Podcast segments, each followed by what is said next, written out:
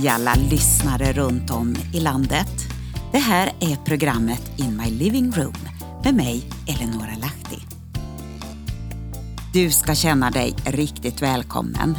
En del utav er har lyssnat på det här programmet många gånger och för andra kanske det är ny bekantskap. Men jag brukar läsa ifrån min blogg som heter In My Living Room. Eh, och idag så ska du få lyssna till ett inlägg som heter Att vara vilsen. Välkommen!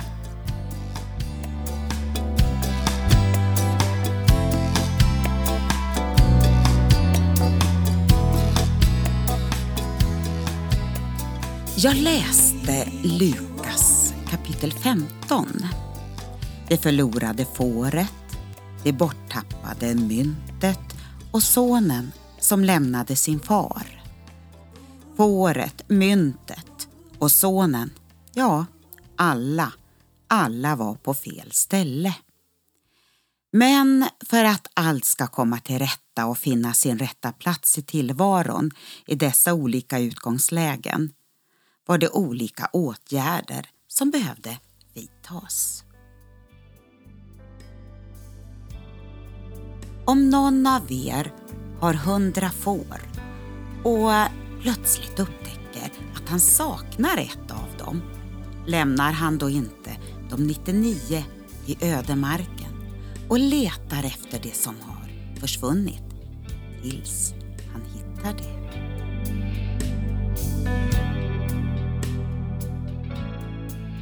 Om en kvinna har tio värdefulla silvermynt och tappar bort ett, tänder hon inte då en lampa och sopar igenom hela huset och letar i varje vrå tills hon hittar det. Fåret, ja, det har ingen egen förmåga att hitta tillbaka. Det vet att det är på fel plats, men det behöver hjälp i tillvaron. Annars är det ett enkelt villebråd för rovdjuren.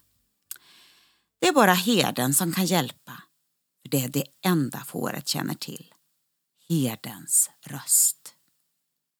Och så har vi silvermyntet. Det är kvinnan i berättelsen som vet myntets värde. Och det rullar iväg av sig själv och så hamnar det någonstans. Ja, var som helst. Det gäller att veta värdet och att inte ge sig förrän man hittar det man söker. Men så har vi berättelsen i Lukas kapitel 15 om sonen som lämnade sin far. Han ville få ut arvet i förtid och han ville leva livet på sina egna villkor. En egen agenda, egna idéer och med en längtan att göra som man själv vill. Här finns ingen herde som kan tala till honom till rätta. Och det finns inga föräldrar som kan söka och leta. Det är ingen, ingen, ingen.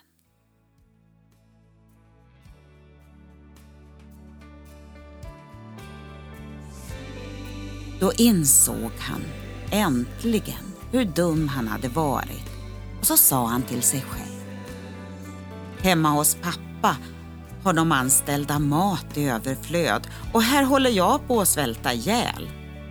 Jag går hem till pappa och säger Pappa, jag har syndat både mot Gud och dig.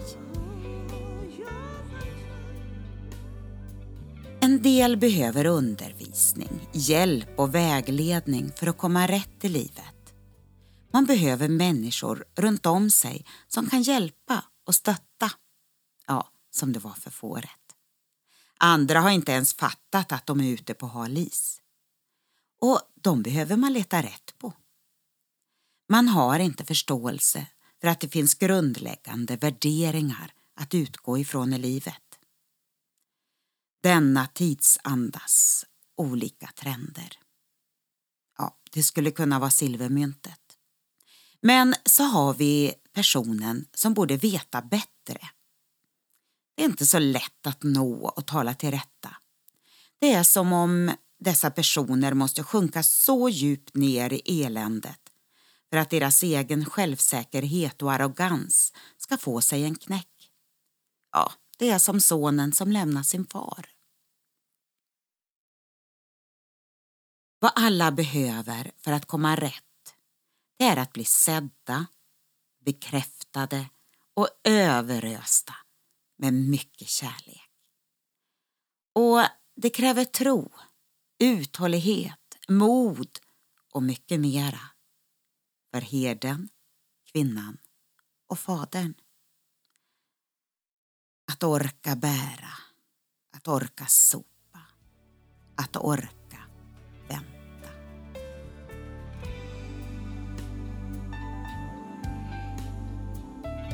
En sådan tillit har vi till Gud genom Kristus. Inte så att vi av oss själva kunde tänka ut något på egen hand. Utan vår förmåga, den kommer från Gud. Han har gjort oss dugliga till att vara tjänare åt ett nytt förbund. Som inte är bokstavens, utan andens. Ty bokstaven dödar, men anden liv. Så det finns hopp för oss allesammans.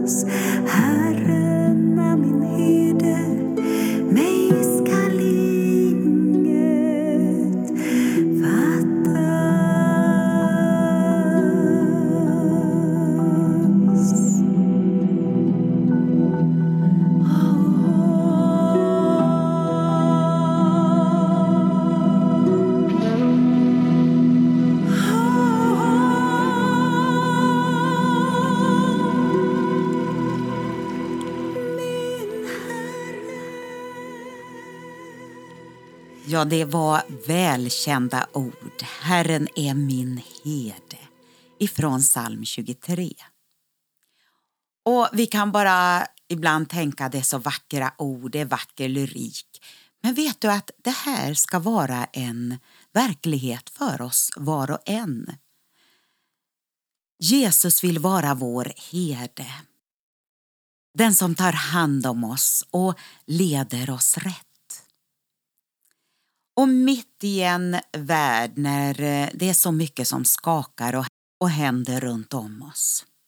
Men mitt i allt det så har Gud lovat att det finns en frid som vi kan få bära med oss mitt i vår vardag, mitt i våra liv, mitt i våra omständigheter.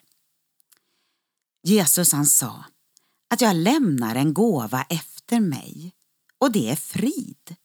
Ni ska få av min frid, en frid som ingen här i världen kan ge er.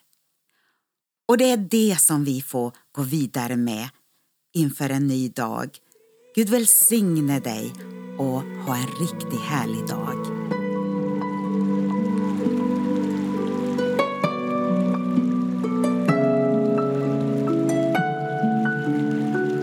Åh Gud, kom över oss.